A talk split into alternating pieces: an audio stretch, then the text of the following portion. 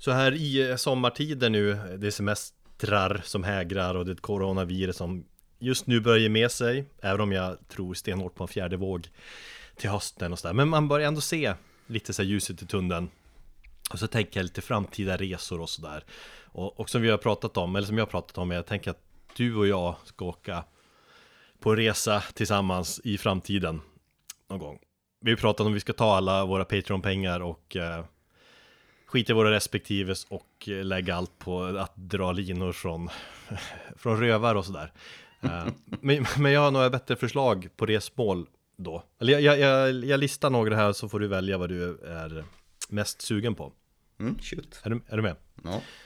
Eh, alternativ ett här, vi tar färjan, tror jag man gör va, till Sankt Petersburg i Ryssland. Där besöker vi då eh, sexmuseumet som finns där och tittar på Rasputins påstådda penis som ligger där inlagd i en burk. Och så lyssnar vi på uh, Masterons Crack the Sky samtidigt. Eftersom Rasputin är ju med i den uh, superknarkiga storyn på, på den plattan. Just ja. Mm. Mm. Eller så åker vi till, uh, till London och därifrån så tar vi en bil, uh, jag tror det är ungefär en och en halv timme västerut tills vi kommer till Maple Durham vattenkvarnen. Den byggnad som um, är med på den mest klassiska av alla skivomslag, nämligen Black Sabbath uh, första Just ja. debutplatta där. Och så dricker vi många pints och sådär också. Men det är, det är mäktigt att, att, att stå där, och tar vi någon bild och försöker ta samma bild så att säga som eh, den plattan. Vad har jag med? Norge, vi måste ju besöka skivbutiken Neseblod Records med känns som helvete. Just ja. Mm. En gång i tiden. Så går vi ner i källaren där och så dyrkar vi svartmetallen och så poserar vi. Ingen av oss har ju varit där så vi måste ju ändå dit någon gång.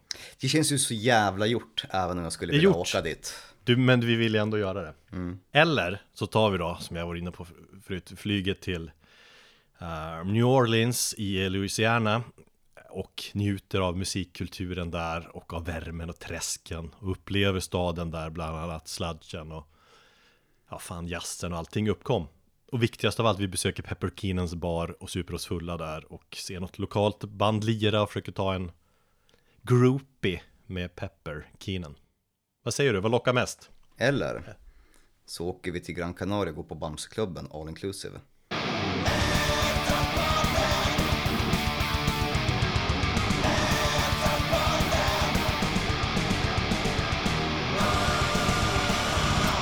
Hej och välkommen till avsnitt 139 av Metalpodden och det elfte och sista avsnittet för den här säsongen. Vi har lyckats ta oss igenom ännu en säsong av vår tuffa podd, Thomas.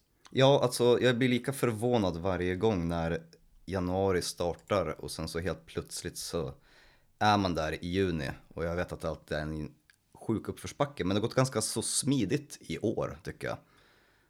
Jag kämpade ju allmänt med peppen i början av säsongen, mycket på grund av pandemin och hur värdelöst allt kändes och så det tog sig och smack så är vi, då är vi framme här vid sommaren trots allt. Ja. Jag tycker det var en jävligt härlig säsong, ganska Känns som att den har varit väldigt variationsrik sådär. Fullspäckad och eh, ja men jo absolut dynamisk. Vi har gjort lite eh, alla möjliga grejer.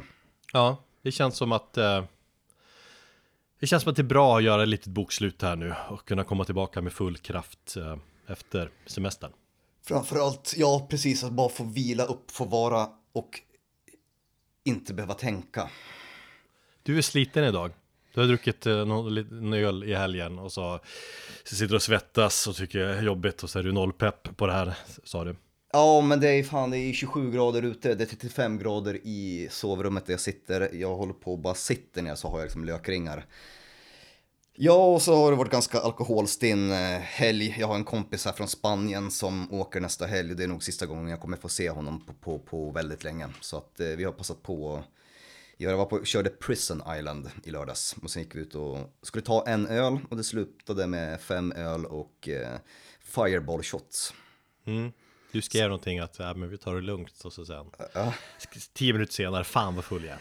Kom jag hem så somnade jag i soffan så vaknade klockan tre på natten fullt påklädd sittandes och typ dreglandes. Jag var ute i fredags och jag kom hem och tänkte fan jag måste nyktra till lite, jag lägger mig i hammocken och somnar i hammock utan filt. Vaknade upp så halv fem på morgonen och låg och frös. Härligt ändå, sova utomhus. Ja, Du, eh, i det här avsnittet tänkte vi köra en favorit i repris får man väl säga. Och kanske ett eh, stående inslag fortsättningsvis. Det blir ju ett stående inslag när vi kör liksom del två här nu. Jo. Um, nej men så, vi tänkte göra något som vi gjorde ganska ungefär vid den här tiden förra året. Något som vi, något som vi kallar då What's in my bag. Och uh, det är som vi har snott från uh, uh, Amoeba Records som har en sån där YouTube-serie där artister får gå in i deras uh, skivbutik och sedan kommer ut får, får de redovisa vad de har köpt. Mm. Det finns säkert fler YouTube-kanaler som liksom kör liknande What's in my bag. Jag har köpt det här sminket och så vidare. Möjligtvis. Mm. Um, men, men reglerna för vår variant är då följande. Vi ska ha besökt en en eller flera skivbutiker som säljer begagnade vinylskivor och så redovisar vi dem i det här avsnittet. Exakt. Begagnat ska det vara. Eh, jag gillar det konceptet som fan av, av lite så olika anledningar. Det är ju det är old school nästan ändå. Att gå och bläddra bland skivor. Och jag gillar att du liksom har kommit in i det lite grann också. Ja, alltså jag har ju kört där What's in my bag. Tänk, du var ju lite inne på att vi inte skulle hinna gå till en skivbutik nu innan den här eh, säsongen är över. Eh, jag har ju liksom, jag brukar gå ner till den lokala skivbutiken med jämna mellanrum, men de valen som jag har hittat inför det här avsnittet är ju ganska så spontana grejer som jag inte ens hade planerat eller någonting, utan det var bara råkade bli så. Ja, men jag tycker att det, det, det är det som är det bästa med att gå och bläddra, att det, Alltså det är spännande vad som kommer upp. Det är liksom ett, det är ett litet lotteri. Det är ödet som bestämmer vad man ska hitta. Alltså visst, man, man har ju man kanske har siktet inställt på vissa skivor och, och ibland har man tur och hittar just den plattan då. Men oftast dyker det upp grejer som man, man inte alls tänkt köpa riktigt. Men som man känner att fan den där jäveln måste jag ha. Ja, precis. I, I det här fallet så var, var jag inte ens ute efter att eh, köpa skivor. Utan jag bara gick in där och skulle kolla läget. Och så råkade det finnas tre skivor som jag har på min wantlist på Discogs. Så det kändes bara ganska så naturligt att jag skulle knipa dem direkt. Nej men det blir lite spänning i vardagen att gå in och bläddra sådär. Jag tänker också att det det är Record Store Day-tider nu också. Va? Jag tror att lördagen, ja det är det 12 juni, alltså imorgon om man lyssnar på det här när det släpps den 11 juni. Då är Record Store Day. Visst är det det? Du som är inne i branschen. Record Store Day eh, drops 12 juni och 17 juli. Ja just det, det är uppdelat i två På grund av pand pandemin och ja, rådande omständigheter i, i världen. just det. Men så här, hela grundtanken med Record Store Day som jag ser det, eller som jag tror var grundtanken från början, är väl att folk ska folk ska besöka sin uh, sin lokala skivbutik och, och stödja den. Mm. Och den idén är vi ju mer än gärna med på. Så vad fan, ut och stöd din skivbutik och bläddra bland lite skivor.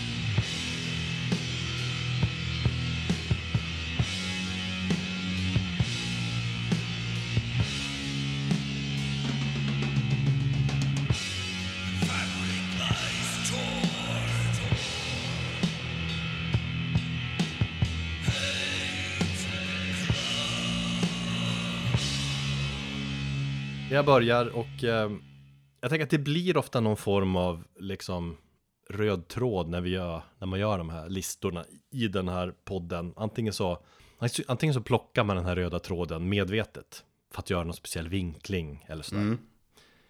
Men i det här fallet har jag, jag har en röd tråd som har blivit lite mer, lite omedvetet. Jag har gjort mina fynd här när jag var ute och sen ser jag liksom att det är röd tråd i efterhand. Och jag liksom tänker att den röda tråden är avantgarde lite grann.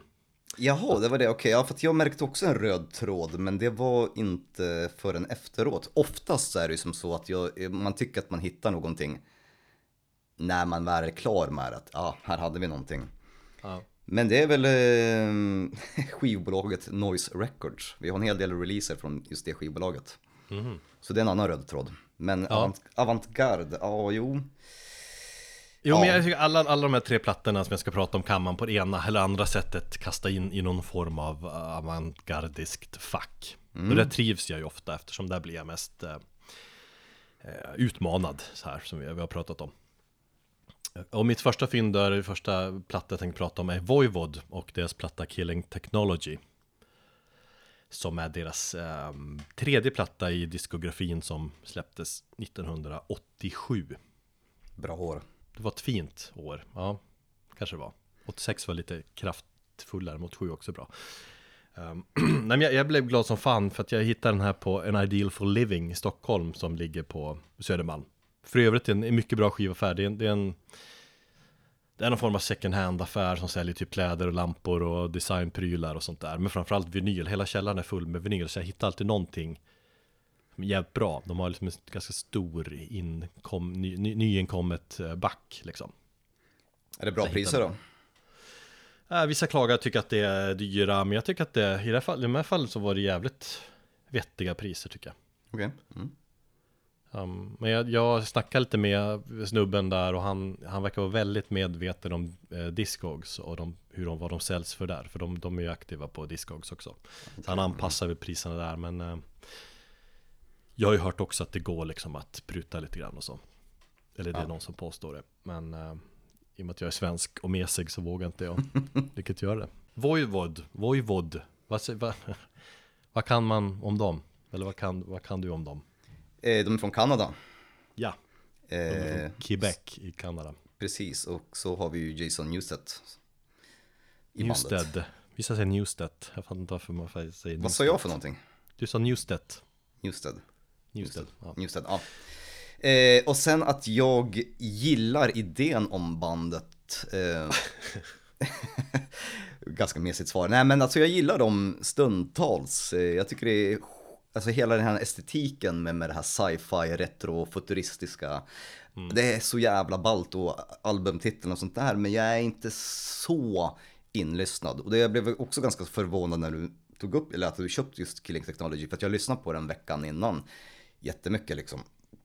Varför då? Eh, nej, jag bara, jag har det.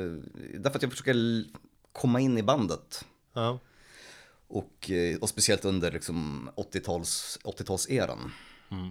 Ja, de står ju verkligen ut ur 80-talet också. Det är, alltså, det är ett jävligt coolt band. Det är ett det... jävligt coolt band och stundtals kommer det svinbra. Men jag kanske inte köper dem fullt ut. Det är ju inte alltid ett lätt beskrivet band heller. Alltså de börjar väl som ett hyfsat vanligt thrash eller speed metalband med, med de här två första plattorna. Mm. Alltså noisiga i känslan och sådär. Men just det här med, med tredje plattan, Killing Technology, så hittar de lite mer sin grej. Det, kan väl, ja det är någon form av progressiv thrash metal på den här plattan. Jo. Vanligaste benämningen brukar vara att Voivod spelar sci-fi metal. Typ. Och det, det, är en cool titel liksom. Jo. Det är mina två favoritgrejer i livet, eh, sci-fi och eh, metal. Så att det är en bra kombo. Så. Men sen är det ett band som också, man har kollat, eller man kollar in deras diskografi som ändå är ganska fet, så är det, det, de har ju varit konstant utveckling, gjort så jävla mycket senare mer åt det här, mer åt det avantgardiska också. Och sen Angel Rat från 91 till exempel, det är ju någon form av så här, typ alternativ metal liksom. Det är ett udda och balt band som har en uh, jävligt spännande diskografi som jag inte har jättebra koll på heller. Men det är några skivor som jag inte har hört där. Är det inte så att de har släppt en hel del EPs nu på, på, på senare år? De har ja, kört mer EP-formatet. E jag har för mig att jag typ har recenserat någon, någon EP på 10-talet här, sent 10-tal. Ja, kanske. Jag började faktiskt lyssna på Voivod när just Jason Newsted joinade dem. Det gjorde han ju ganska snabbt in på efter att han hoppade av eller fick kicken från Metallica. Men eh, Killing Technology är en jävligt cool platta. Huvudinspirationen är väl för bandet har varit bandet Rush och Discharge och Motörhead. Och så då science fiction teman och kärnvapenkrig typ. Det är Ganska intressant, eh, eller intressant influenser, Motorhead, Discharge och Rush. Det är liksom Ja. tre, tre ganska skilda band som ändå tycker på något sätt Ja, alltså det, det, det funkar. Det är ganska bra sätt att beskriva Voivod på. Ja, jag tycker också det.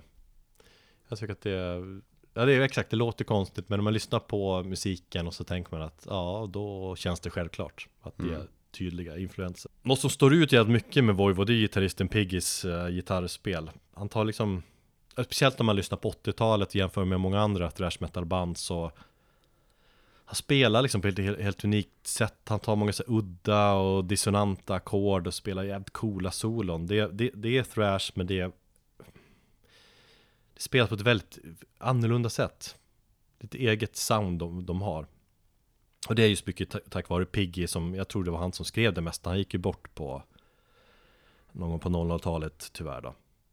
Och så i och med att han hade så unik stil så går det liksom inte att hitta en riktig ersättare. Men jag tror att Men så mig veterligen så har jag inte stött på ett band som låter som, som Voivod. Jag vet att de används ofta som, som referenser. När man, om du gillar det här så, så, så kommer jag gilla det här. Men, men de är ju ganska unika på det sättet. Ja, och det är väl därför de liksom har inspirerat så många också, att de liksom verkligen har ett eget sound och, och hela den science fiction-grejen och så här, att ja, de är bara jävligt coola. Jag har sagt coolt för många gånger här nu känner jag. eh, bland originalmedlemmarna är väl sångaren Snake och trummisen Away fortfarande med och, och kämpar på. Um, Men Jason är fortfarande kvar i bandet. Nej, idag. det är han, det är han inte. Han är ju lagt ner. Han sitter ju, han kör ju bara, han har ju sitt band där han kör Johnny Cash eh, covers och sånt där. Fy fan vad sorgligt. Ja, fast ändå inte. Så Jay han uttalar sig någonting om att man, alltså det är inte trovärdigt att vara närmare 60 och liksom spela liksom ungdomlig eh, thrash-musik. Att eh, och det ligger någonting, jag funderar på det här ibland, att många av de här gubbarna kör ju bara på, men det är liksom Det är kanske vettigare att liksom Tom Araya och alla de där ska bara spela akustisk eh, Så, rock. jag, köp, jag kan köpa det, det- den idén. Det var ju lite grann som vi, när vi pratade med Kristoffer, det som vi sen klippte bort när vi pratade om Repugnant. Och det här med 40 eller 50-åringar som ska börja spe, återförenas och spela musik som spelade för 20-30 år sedan. Ja. Att det liksom, man vill inte se en gubbe försöka sig på samma ungdomliga energi som man hade 20-30 år sedan, för den finns inte, det går inte. Och Nej. att det någonstans finns någon heder i att band inte gör en comeback för att spela gammalt material. I, i en era där det är mycket återföreningar tänker jag, så, så är det all heder till dem. Ja, och därför ligger någonting i som det Jason säger då. Men det känns sorgligt att börja spela liksom Johnny han Cash har ju, han, covers. det, det diskuteras ibland att Jason, att det är synd om honom. Men han får ju liksom pengarna som bara Black Album drar in varje jävla år. Så han, han klarar sig ju. Det är Definitivt. inte synd om Jason. Och det var ju peppat, eller det var ju många trodde han skulle, eller ska joina Megadeth nu när, har, när Dave Ellefson har, har runkat bort sig från bandet. Men, men det verkar, då har hans fru uttalat sig att nej, Jason finns inte på eh, sociala medier, men han kommer inte joina Megadeth. Sidospår. Runka inte bort ifrån ett band. Nej, det, fast jag fan har jag stöttar Elofsson i det där alltså. Eller jag är besviken på Mustaine, men det verkar vara annat. De verkar trivas ihop ändå. Droppen som, Eh, dropp, droppen som fick bägaren att rinna över. Ja, det, det var väl så. Voivod pratade vi om, och om man, vill, om man vill ha en klassisk platta här nu som har influerat jävligt många och som var ett av de här första exemplen på riktigt cool progressive metal så kan man lyssna på Killing Technology. Massa udda låtstrukturer, tempoändringar och så vidare, ascool platta och jävligt häftigt skivomslag också. Det är trummisen Away som har en verkligen speciell stil. Um, och, och just hans Voivod uh, omslag genom historien gör att man är jävligt sugen på att äga typ alla på vinyl. I alla fall de plattor som släpptes på 80 och 90-talet. Jag tänker att 00-talet inte, inte riktigt lika. Ja, jag håller med dig, jag, jag skulle vilja ha den här plattan bara för omslaget. Samma sak Ja. med eh, Rare. Också Ja. ett jävligt ballt eh, omslag. Jo, och senare plattor också. Så att det Mm. kommer ju bli så. Man, eh, man, man skapar sig behov hela tiden när man håller på med det här vinylandet.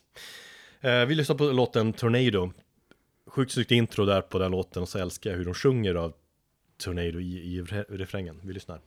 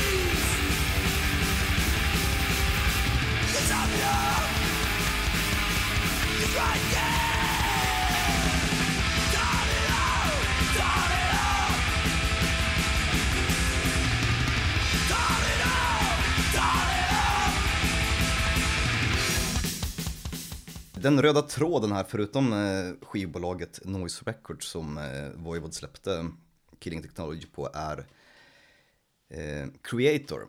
Eh, Som jag, lite grann vet kanske så här, jag ska inte säga husgudar, men, men jag har velat ha deras tidigare material på vinyl. Ända sedan jag började med vinylsamlandet. Jag har haft både Endless Pain och Pleasure to Kill i min wantlist väldigt, väldigt länge. Eh, Jag var nere på stan och skulle köpa skor till min eh, grabb. Eh, Så gick jag hem därifrån med skivor istället. Du Eh, får inga skor grabben. Pappa Nej. köpt skivor. Ja, eh, mormor köpte skor till honom istället så fick jag lägga pengarna på skivor. Eh, Och då kan man ju så tänka att jag kanske gjorde ett litet misstag för, för jag klev in där och skulle bara kika snabbt eh, i så här förbigående om de hade någonting och så står jag i den här själva begagnade backen och så ser jag både Endless Pain, ehm, Pleasure to Kill och även tredje plattan, ehm, Absolute Certainty, nej vad fan heter den? Nej, Terrible Certainty. Eh, De remasterade utgåvorna. Alla tre, 200 spänn styck. Och tänkte, fan, de kniper jag direkt. Men den budgeten tillät mig bara för två plattor, så jag köpte bara de två första och lämnade Absolute Cert, eller fan heter den, Terrible Certainty. Och så i efter, eh, efterhand så kan jag erkänna kanske var lite dumsnål. Ja men vad fan, då får du en anledning att gå ner dit och kika flera gånger. Ja men jag gjorde ju det och sen så var den ju slut. Eller någon hade ju knipit den såklart. Men det var framförallt eh, de två första albumen med Creator som jag var eh, väldigt eh, sugen på. Och jag tycker ju oftast i så här fall med vet, remasterade utgåvor och sånt där att eh, jag har här framför mig, jag ska se den släpptes eh, 2017 så gjorde de eh, eh, remasterade ut, ut, utgåvor på, ja, i alla fall de tre första, kanske någon till platta. Eh, och normalt sett så tycker jag kanske inte att just remasterade utgåvor på det sättet gör musiken rättvisa eller på något sätt, men de har ändå behållit någon form av, eh, alltså den här originalljudbilden har bara hotats upp lite grann. För om man ska vara krass så tycker jag faktiskt att båda plattorna kanske lider av lite kassproduktion. Jag kommer komma in på det här tidigare, eller lite senare.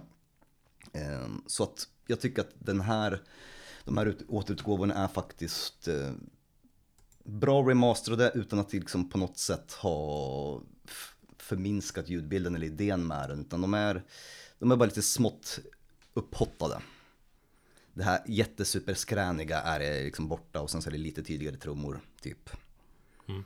Så jag tycker att det finns en hel, en hel eh, det finns faktiskt en idé bakom, bakom själva den här eh, återutgivningen. Också så här ganska mycket schysst bandinfo och eh, linear notes från eh, Mille Petrossa i bandet där han beskriver eh, hur, ja, atmosfären och hur, hur det låg till med, med bandet som man kan läsa på om. Ganska så här nördig fakta. Jo, men det är oftast eh, sånt man får då i de här eh, remasterade grejer och det, det är väl helt okej ändå. Mm. Det kanske är tuffare att ha liksom en originalpress och så, men man liksom om de gör lite mer med den här remastern när, när de trycker den på nytt så så brukar det vara helt, okej ju. Ja, det, båda är ju dub- dubbel-LPs så att, eh, och de första tre sidorna innehåller väl, eller de första två, eller den första LPn innehåller albumet, sen är resten mycket så här demoinspelningar och lite live-material.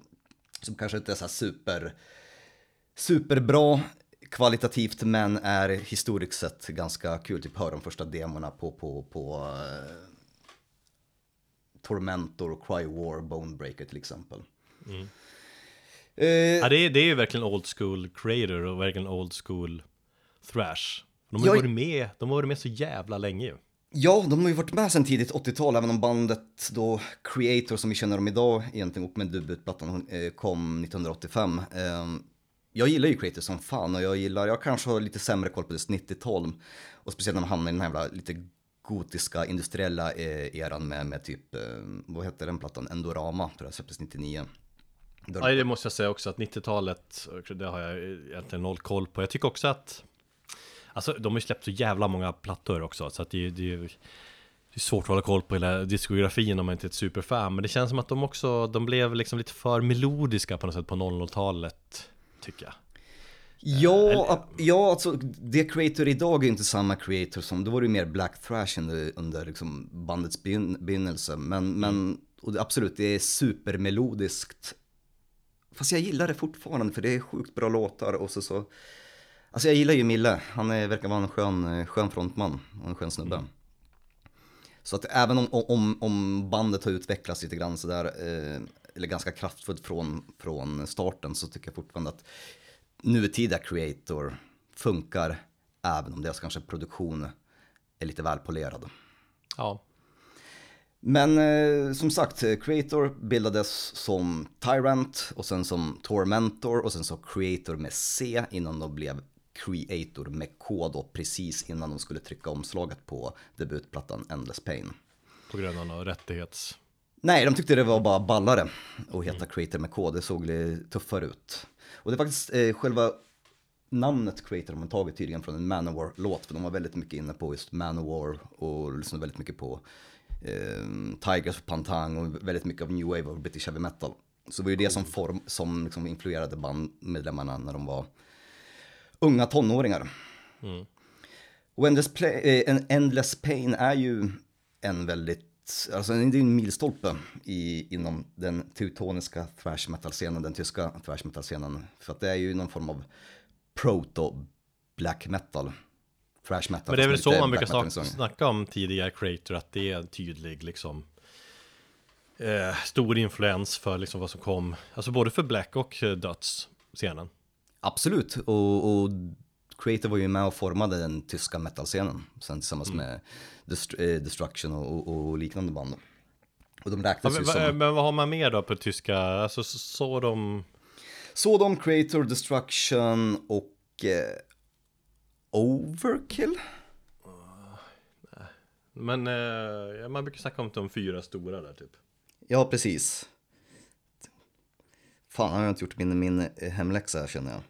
Nej. Men det är ju, det är ju de Creator, Sodom, Tankard var det. Ja, okej. Så, de här lite mer eh, ölstinna thrash metal-bandet. Vad fan overkill, men det är väl amerikanskt. Jo, jag eh, insåg det så fort jag sa det faktiskt. Men, men det är det är också min lite inställning kring, alltså för att jag, alltså Creator lite grann, alltså, och de här platt, gamla plattorna har jag lyssnat på ibland, men jag har liksom satt mig in ordentligt i, i de här banden. Lite för att min inställning är att liksom bra, eller riktig thrash metal, det ska vara, det ska vara liksom amerikanskt, eller nordamerikanskt om vi ska koppla in Voivod också. Um, lite ful inställning jag har kanske. Ja, det tycker jag faktiskt ganska snävt. Ja, jag tycker du borde bredda ditt sinne där. Jag tycker den tyska thrash i alla fall den tidiga, är sjukt intressant. Och som sagt, Creator och Destruction tycker jag är svinbra band. Det är väl kanske de, Jo, två, de, de två banden som jag har störst koll på i, i den sen Tankard har jag väl aldrig varit någon större fan av. Eh, ja, men som sagt, eh, Endless Pain spelade de in som typ 16-åringar. De var omyndiga när de eh, fick eh, skriva skivkontrakt. Så det var ju Milles mamma som fick signa det. Och de spelade in på den tiden, och det är väl kanske så idag också, om man får ett stort förskott, det är att skivbolaget bestämde vart de skulle spela in och vilken producent och vilken studio och allting de skulle använda. Så de fick en producent utan att, utan att ha någonting eget att säga till om och han brydde sig inte speciellt mycket utan han satt mest i studion och rökte weed. Eh, och gav inga som form av guidelines till bandet. Så att de spelade in albumet på sex dagar. Och eh, det som är gulligt med den skivan, det är ju att alla misstag som eh, gjordes i studion är ju kvar på skivan. Det var liksom en take. Men liksom, tyckte du man hör det då? Eller att det är som att det låter, det låter som att det, är, det här borde de kunna gjort bättre. För det blir ju oftast, speciellt så gammal och klassisk skiva gör, det ju- blir ju mer levande. Ja, det blir ju mer levande och ja, jag tycker att man kan höra att det är lite otajt på vissa ställen och det jag tycker är bara charmigt. Eh, när vi kommer sen och pratar om eh, Pleasure to Kill så är det ju betydligt tajtare och jag kommer till det också senare. Men, men det finns någon form av charmighet i att det är en, en debut. Unga grabbar som bara var skitkåta på ett skivkontrakt och spelade in en, en platta. De är supernöjda själva och de är, tycker att det, en, det var en bra liksom, sammanfattning av, av hur Creator låg på den tiden, även om de skulle önska att kanske de hade mer, mer tid senare. Men det är ganska klassiskt, att man, man, man spelar in en debut på, på väldigt snabb tid och sen har man kanske möjligheter att lära sig och man har ju erfarenheten hur man ska göra på, på Ja. nästföljande plattor. Eh, Bandet letade ju fortfarande efter sin identitet så därför är det ju lite stökigt. Att det, är, det är lite blandat med, ja som sagt, eh, influenser från New Wave of British Heavy Metal. Det är ju lite Black, lite Venom finns ju där. Ehm, Och det är ju thrash.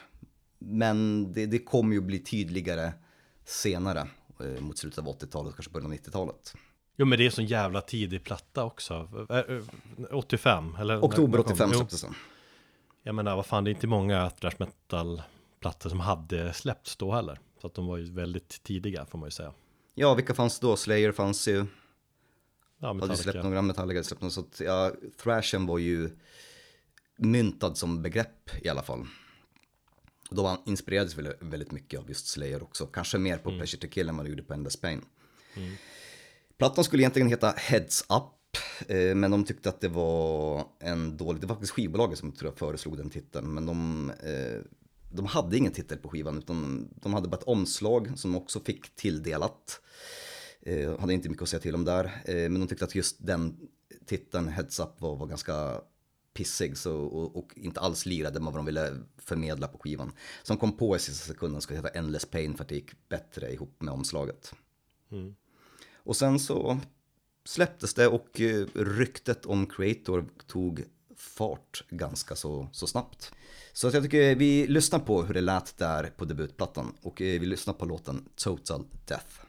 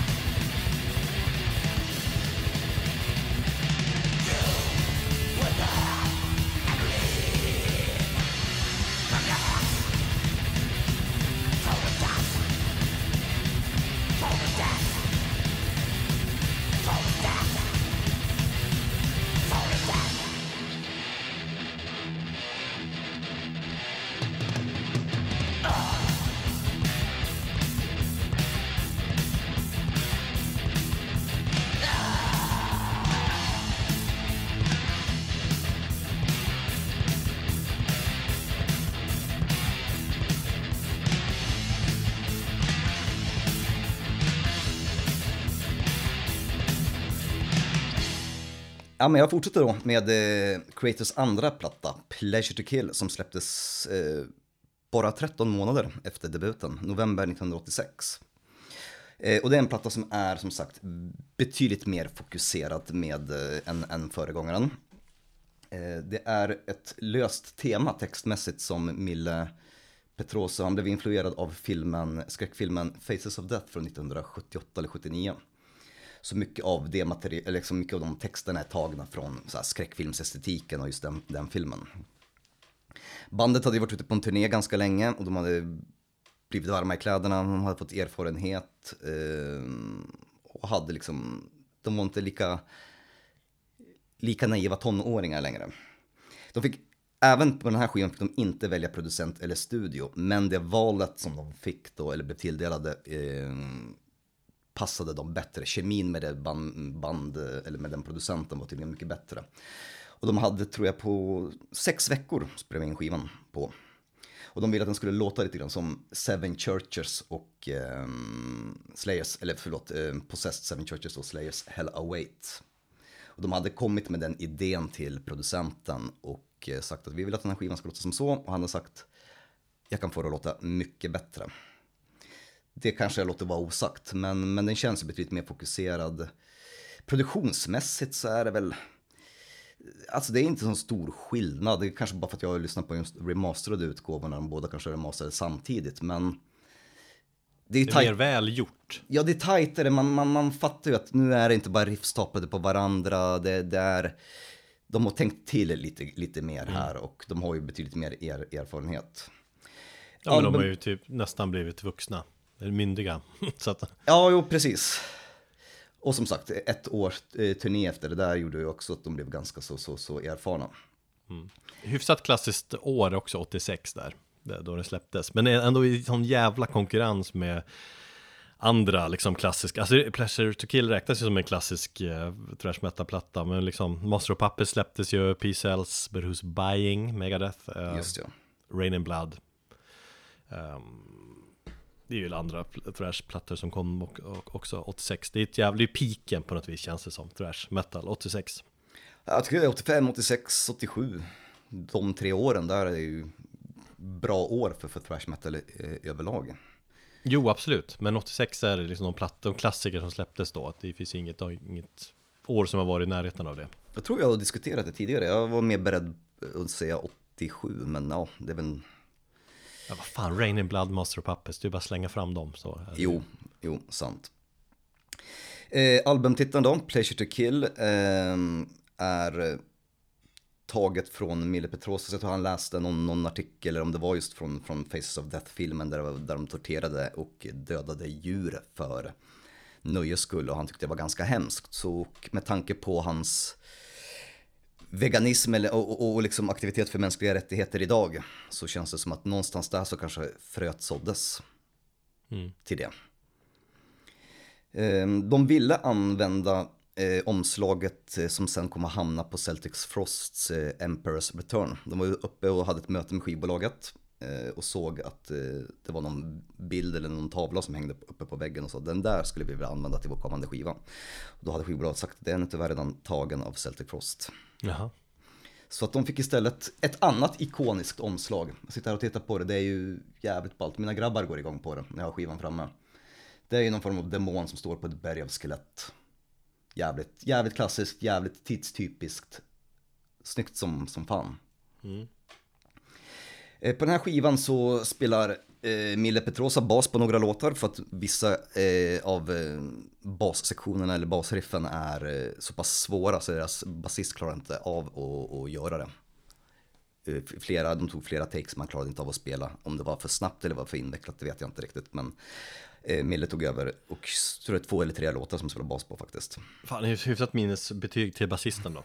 ja, men han blev, ju, han blev ju ganska ikonisk senare, men vi får fortsätta tänka på att de är ganska, ganska unga vid det här laget, även om de är myndiga då. Eh, vissa grejer på skivan, eh, vissa gitarriff är gjorda med keyboard. Eh, för det var ett, ett ljud som de inte kunde få till, de ville ha ett speciellt ljud. Eh, och där kan man också snacka om att det var kanske det första tidigaste tecknet på någon form av sampling av elektroniska ljud i, inom metal. kan inte säga att det kanske var första gången på den här skivan, men, men det, det snackas om att den var den första typen av, av sampling kom till på den här plattan. Mm. Och eh, det blev ju också, även om det är ett lika inflytelserikt album som Endless Pain så, så kom det att definiera Creator betydligt mer framöver och den sålde ju svinbra och cementerade bandets status som ett av de bästa och största thrash metal-banden i, i, i Tyskland. Eh, vi lyssnar på en låt därifrån eh, och det är Command of the Blade.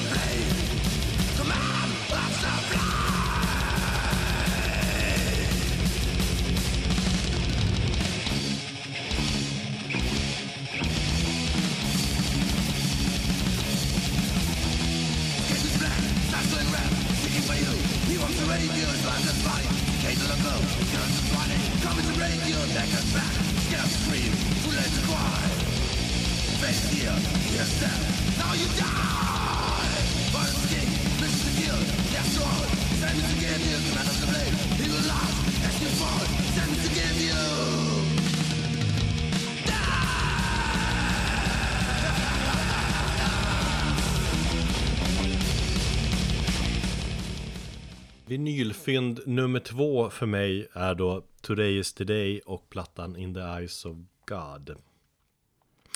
Um, Today is the day är ju också ett väldigt speciellt band, måste man ju säga. Men kan man placera dem i det här avantgardiska facket? Ja, men det tycker jag. Um, delvis. De, de, har ju funnits sedan 92, det, det är Steve Austin som är... Jag antar att man kan beskriva band som ett enmanna projekt. För Steve, han, han är ju den enda som har varit med i bandet sedan starten och sen är det en jävla massa medlemmar som har, som har kommit och gått. Mm. Det är väl inte direkt så att att de har fått kicken, utan det är mer att han, liksom, han väljer att krydda sina skivor med olika musiker, som jag har förstått det i alla fall. Um, och musiken är ju, det är ju flippad som fan, det består av liksom flera stilar, det är väl i grunden liksom brukar man säga att det är någon noise rock, eller noise metal, för att han var en, en av de första som gjorde den grejen. Alltså noise rock fast i metal-tappning typ.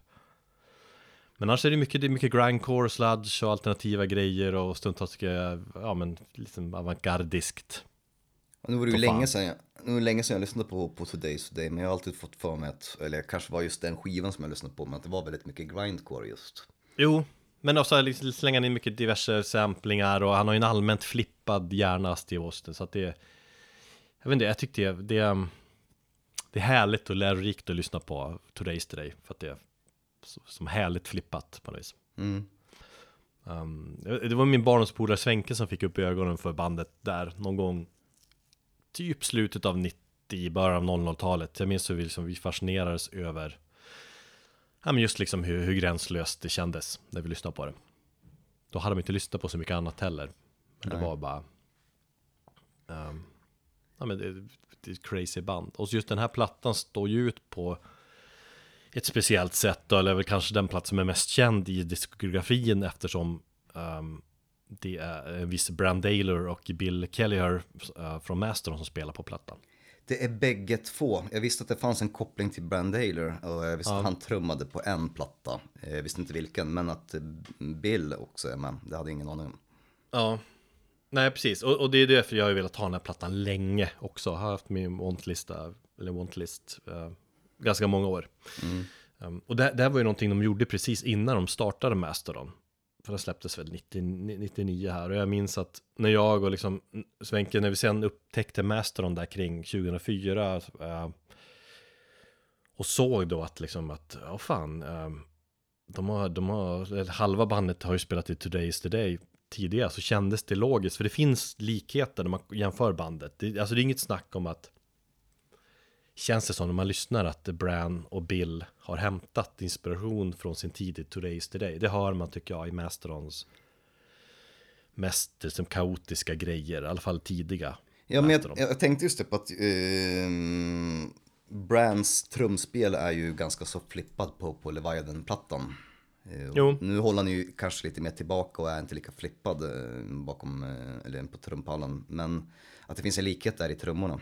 Jo, det gör det. Samtidigt känns det som att Mastodon typ är som som Melodifestivalen upplägg jämfört med Today's Today. Alltså i vinklingen hur flippat det är alltså. Okej. Ja, för jag tyckte Today's Today var okej, gå, gå helt besärk i, i det ga- galna sådär. Um, men sen också Bill eh, Kelly, han spelar inte gitarr, han spelar bas på Today's Today-plattan. Det är också Okej. lite bara, okej. Fast visst, är man gitarrist kan man ju spela bas också. Uh, men annars är han ju liksom Bill Kelly är ju en supergitarrist och en av de största riffmaskinisterna känns som på, på hela 2000-talet. Jo. Men det, det är Steve Austins projekt och band och det är han som har skrivit musiken och det är han som eh, spelar gitarr och sjunger och sådär. Men det är, det är ganska kul koncept det där allmänt att man plockar in liksom folk. Du vet, fan har jag skrivit en ny platta, det vore kul med den trummisen på den här plattan. Vilket, ja. Men har han gjort så på, på sentida Jag, plattor? vet- jag vet inte riktigt om det är, jo, men jo, det är ju massa olika musiker som har spelat på hans platta så att det är liksom därför jag har dragit den slutsatsen. Okej. lite Mm. Att det är så han jobbar då. Men ja, det, det är ju framförallt det är en cool platta att lyssna på och äga om man är en Mastodon-nörd som jag är. Um, och intressant att liksom lyssna, man hör, man hör Mastodon-grejer och man kan sitt, och man kan sitt tidiga Mastodon också. Jo. Men det är allmänt en jävligt bra platta också. Det, när den kom så ville ju Steve Austin, han ville, han ville höja nivån några snäpp. Så det här var, det här var liksom det snabbaste och mest tekniska de, hade släppt. Eh, då. Eh, sen släppte de ju coola grejer efteråt också. Det är ett jävligt intressant band att, att eh, allmänt lyssna på. Och sen om, eh, eh jag vet vi snackade Voivod-plattan och det är att i Away det är ju att han gör jävligt coola omslag så är det här omslaget på den här Today's Today-plattan fascinerande fult tycker jag. Det är, vad är det, Jesus? Va? Ja, med något horn och eh, ja, men det Je- känns lite så här. Det, kän, det känns lite grann som om de flesta extrema band, jag tänkte på black metal band på, på 90-talet, eh, slutet av 90-talet som gjorde omslag. Och speciellt när man gick ifrån det här kanske med handritade och gick över till digitalt.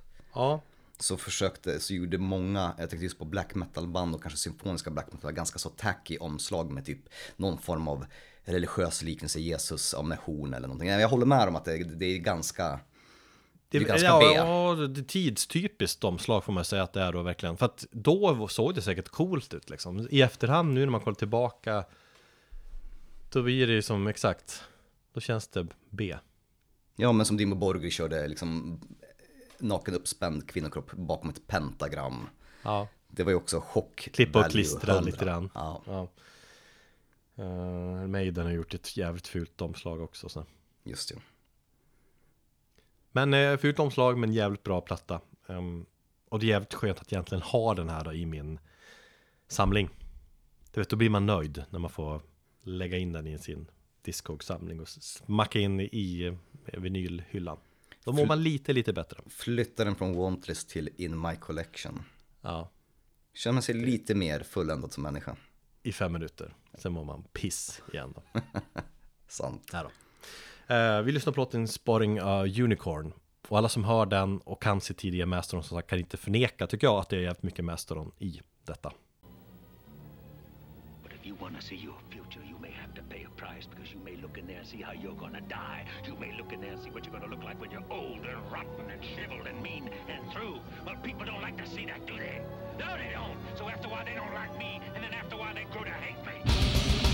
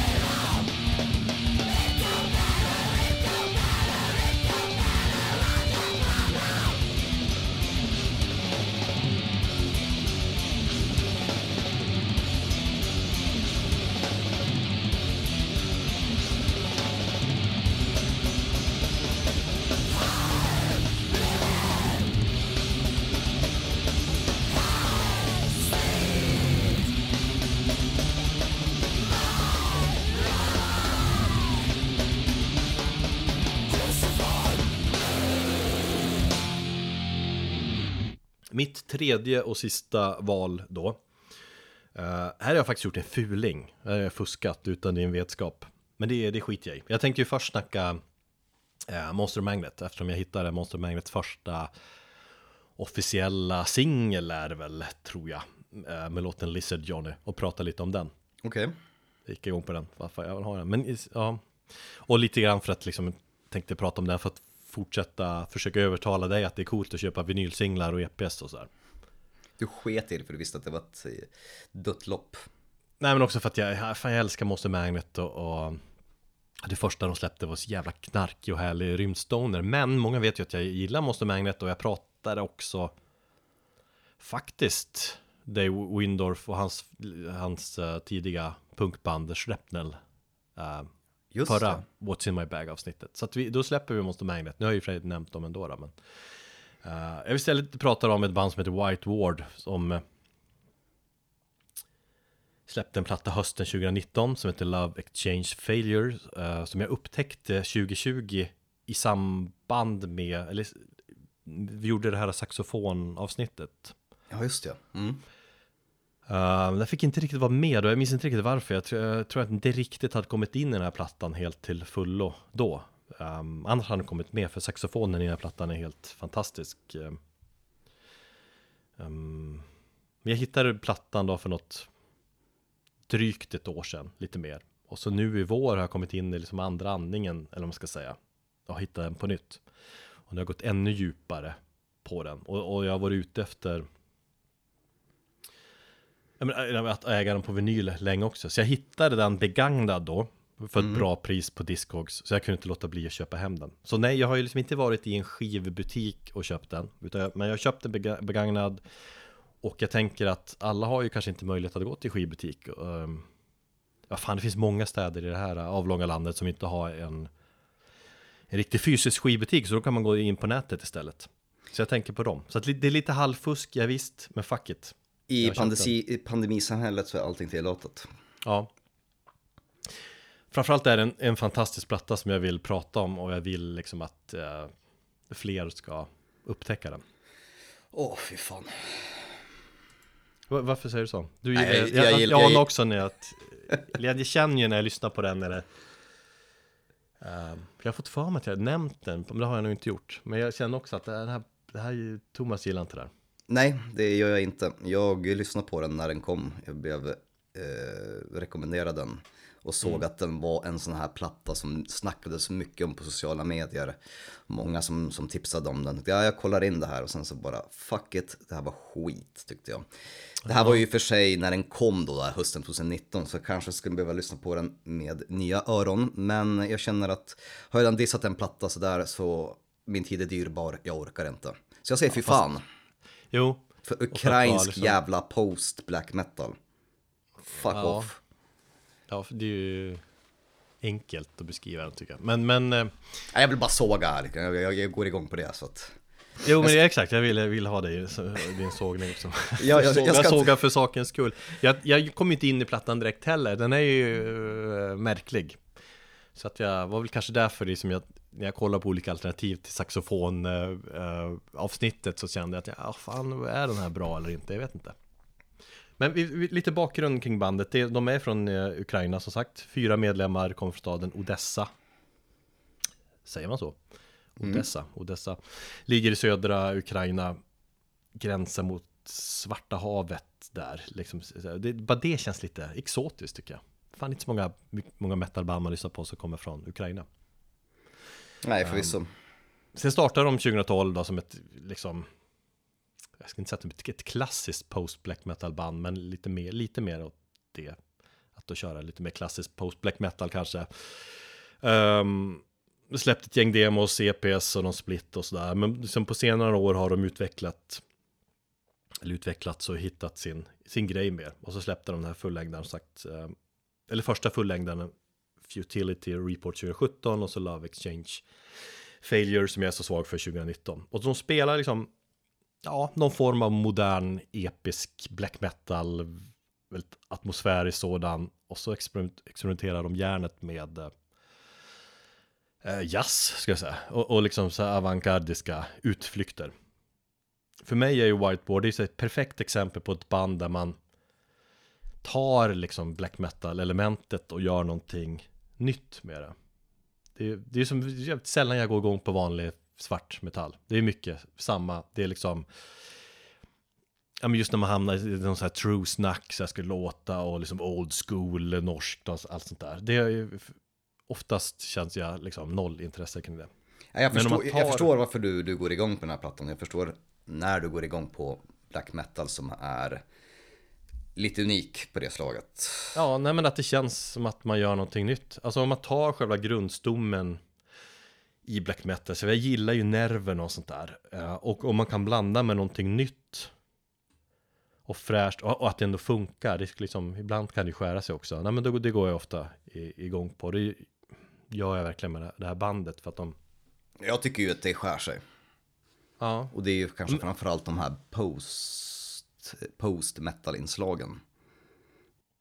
Men det, ja, det känns som att de, de kanske förvrider black metal, och, och, men de har...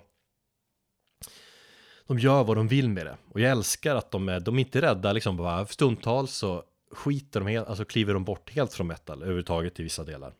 Och det förstår jag att många har säkert svårt för. Men just dynamiken blir så jävla bra. Det kan vara sånt här lite halvlynchigt pianoparti liksom. Så det blir väldigt filmiskt. Och så tar de musiken och som historien vidare. Jag vet inte, det fängslar så jävla mycket i deras musik. Jag har så inget problem med post black metal, eller black metal som den görs på det här sättet idag. Det är bara, jag tycker bara att det, det, det spretar och det finns ingen finns ingen röd tråd på den här skivan. Jag blev bara irriterad när jag lyssnade på den. Ja. Jag tycker att det är just den röda tråden som är så jävla tydlig. Alltså den, den kommer upp. Jag, jag förstod dem ännu mer när jag ser deras bandbilder och det används äh, flitigt mycket New Roses äh, t-shirts. Då förstår okay, jag att de har Ja men säkert influerats hjärnet av New Roses och deras liksom det episka, atmosfäriska, ja, men till viss del också avantgardiska tänk. Och det är sen jag ser ett omslag som matchar så väl musiken. Nu snackar vi mycket skivomslag här, men det så ska det vara. Men det är ett omslag som en kan man säga att det är en skyline över en stad eh, som jag antar är just Odessa eh, eh med ett höghus i, i förgrunden där, och där ljuset från staden liksom lyser upp i mörkret. Och den, just den här stadskänslan tycker jag är stundtals väldigt tydlig i musiken. Det är lite polissirener och atmosfär och det är som att musiken vill berätta en story om, om staden på något vis. Ja, framförallt så är det ju inte på något sätt något form av klassiskt black metal-omslag, utan det är ju tvärt emot. Ja, det kan jag det uppskatta. Det gillar jag också. Mm.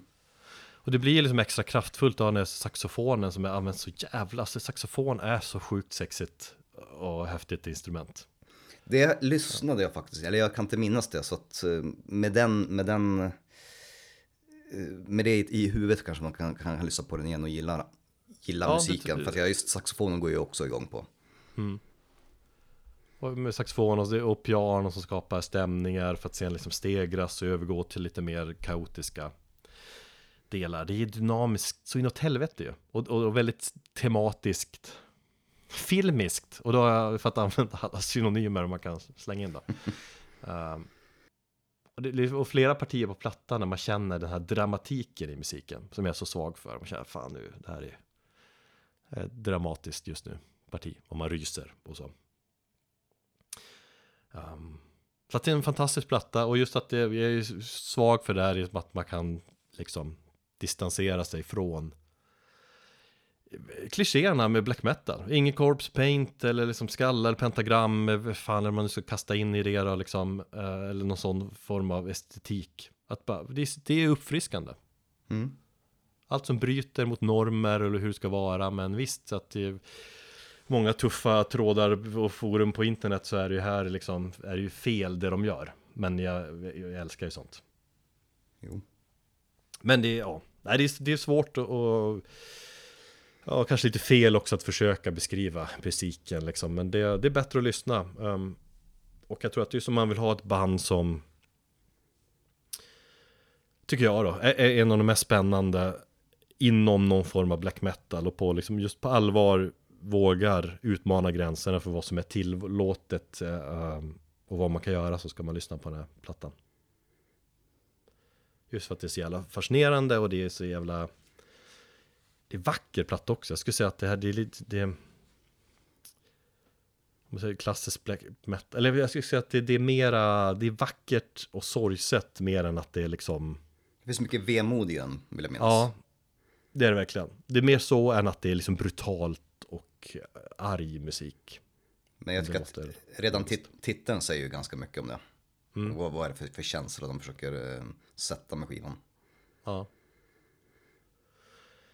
Ehm, ja, nej, men vi, vi, vi lyssnar lite grann då mitt i avslutande spåret Uncanny Delusion som är en, en låt man bör uppleva med hela hela vägen. Men vi kan lyssna lite grann, den är väl 12 minuter lång. Men vi hoppar in lite grann. Men det är verkligen en platta jag ehm, rekommenderar att man ska lyssna på och uppleva.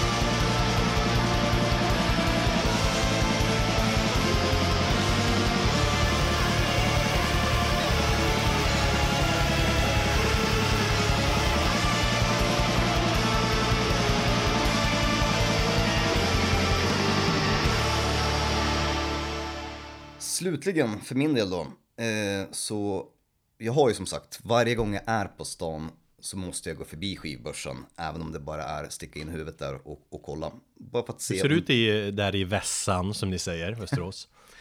Um, finns det någon annan butik än den?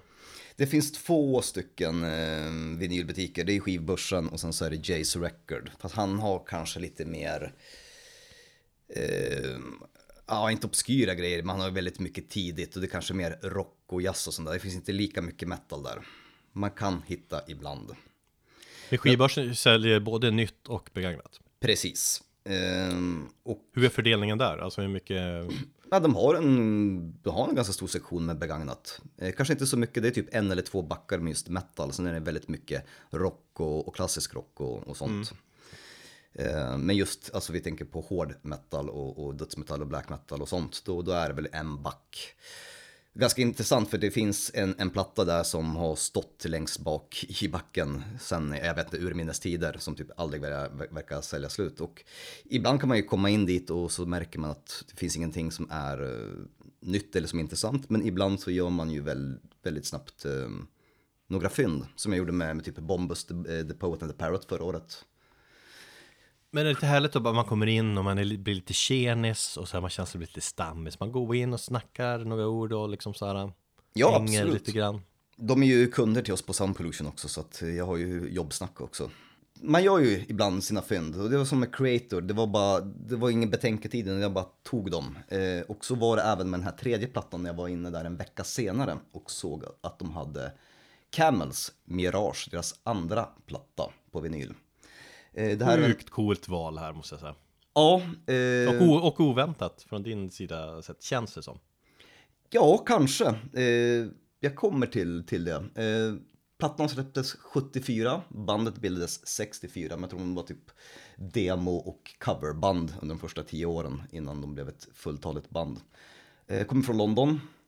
Jag upptäckte dem i slutet av 90-talet, början av 2000-talet i hela den här fildelningsperioden när det var jävligt populärt med, ja, det var efter Napster, men när DC++ var eh, jävligt stort, minns du det? Mm. Fildelningstjänsten. Ehm, och lyckades, jag höll på att leta efter en massa metal och hittade någon, någon user som hade ett helt en helt, ett helt bibliotek med mp3or. Så jag laddade ner den och så fanns Camels Mirage där. Och det var ju absolut inte vad jag vad en 18-åring ville lyssna på. Eh, där vid 2000-talet. Då var det ju bara hård metal eh, för min del. Men jag fastnade för den. Eh, för bandet och, och musiken. Eh, just för att det är kanske så pass flippat och det är episkt, det är vackert, det är fan allt möjligt finns på den här skivan. Sen så har jag egentligen, jag har aldrig lyssnat på bandet speciellt aktivt eller kollat upp dem. Nu har jag ju lyssnat lite mer på deras tidigare skivor, bland annat vet den, Moon Madness och, och Snow Goose som är två jävligt fantastiska plattor de också. Ehm, men de har bara funnits i periferin, bara just det, det finns ett progrockband från 70-talet som jag gillar. Tills jag då klev in i butiken 20 år senare och bara, här är ju den. Ja. Den här skivan som jag laddade ner som mp3 för 20 år sedan. Så att jag måste ha den för att jag vill minnas att jag tyckte att det var svinbra. Och den är ju otrolig. Det är alltså en helt Ja, fantastisk eh, platta. jag trodde kopplingen skulle vara Mikael Åkerfeldt. Han har väl pratat om eh, Camel ett par gånger. Eller det är så jag...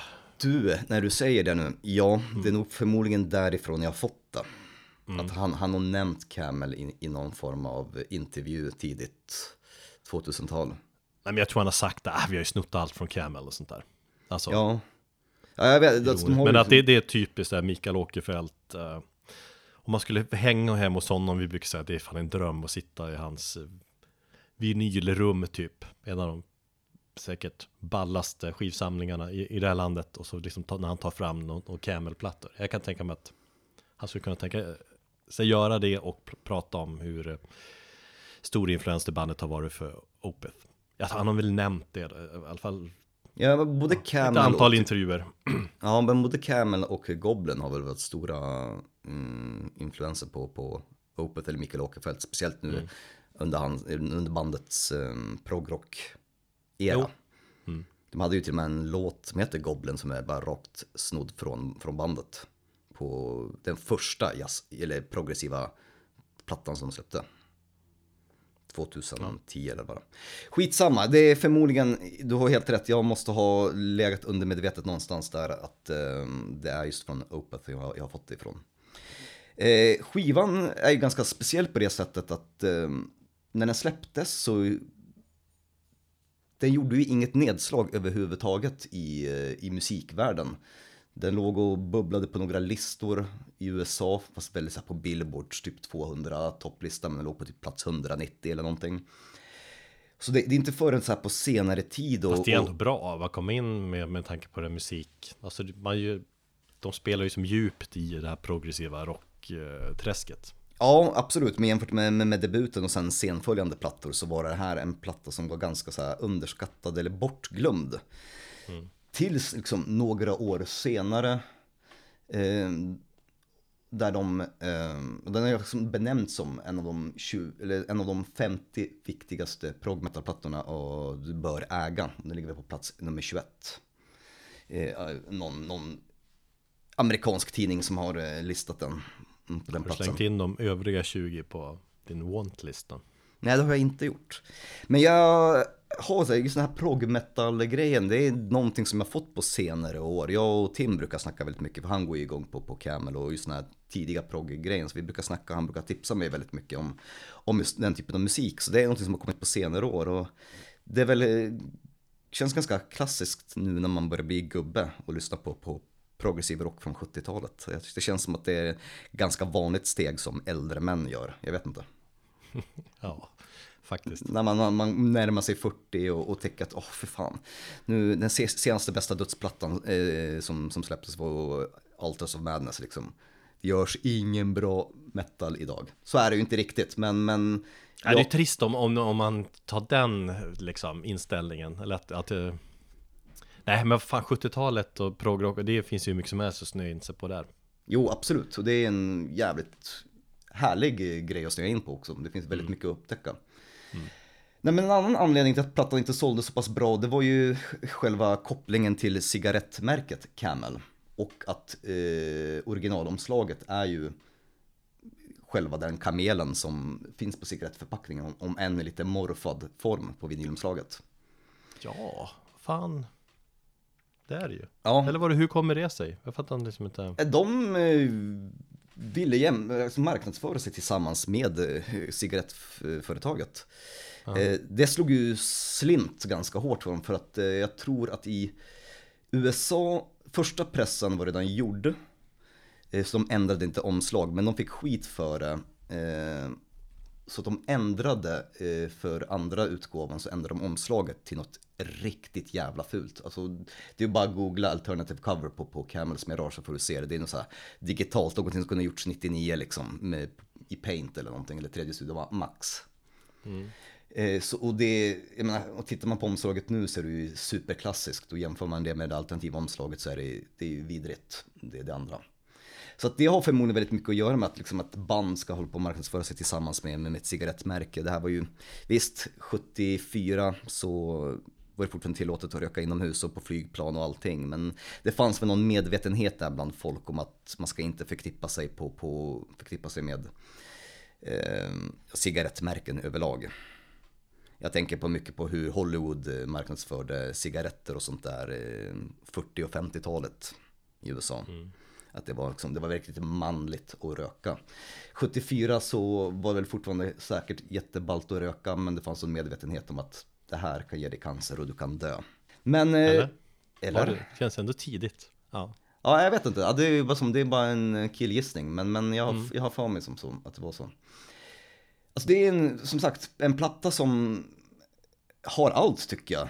Den har ju metal, den har ju jazz, den har ju progressiva inslag, den har episka inslag, den har fan flöjt, keyboards, den har alla instrument som finns i, i hela jävla världen man kan tänka sig.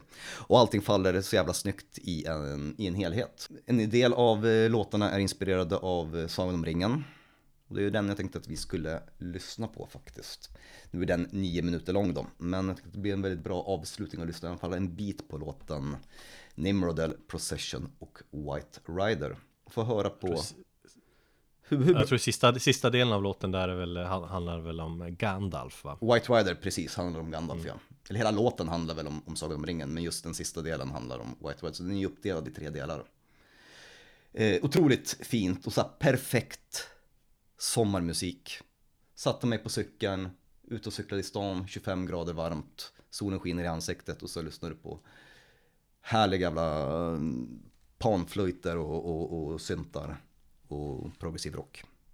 Och så tänker man på Gandalf. Så tänker man på Gandalf the White. Så det var mina tre val. Vi är klara för den här säsongen.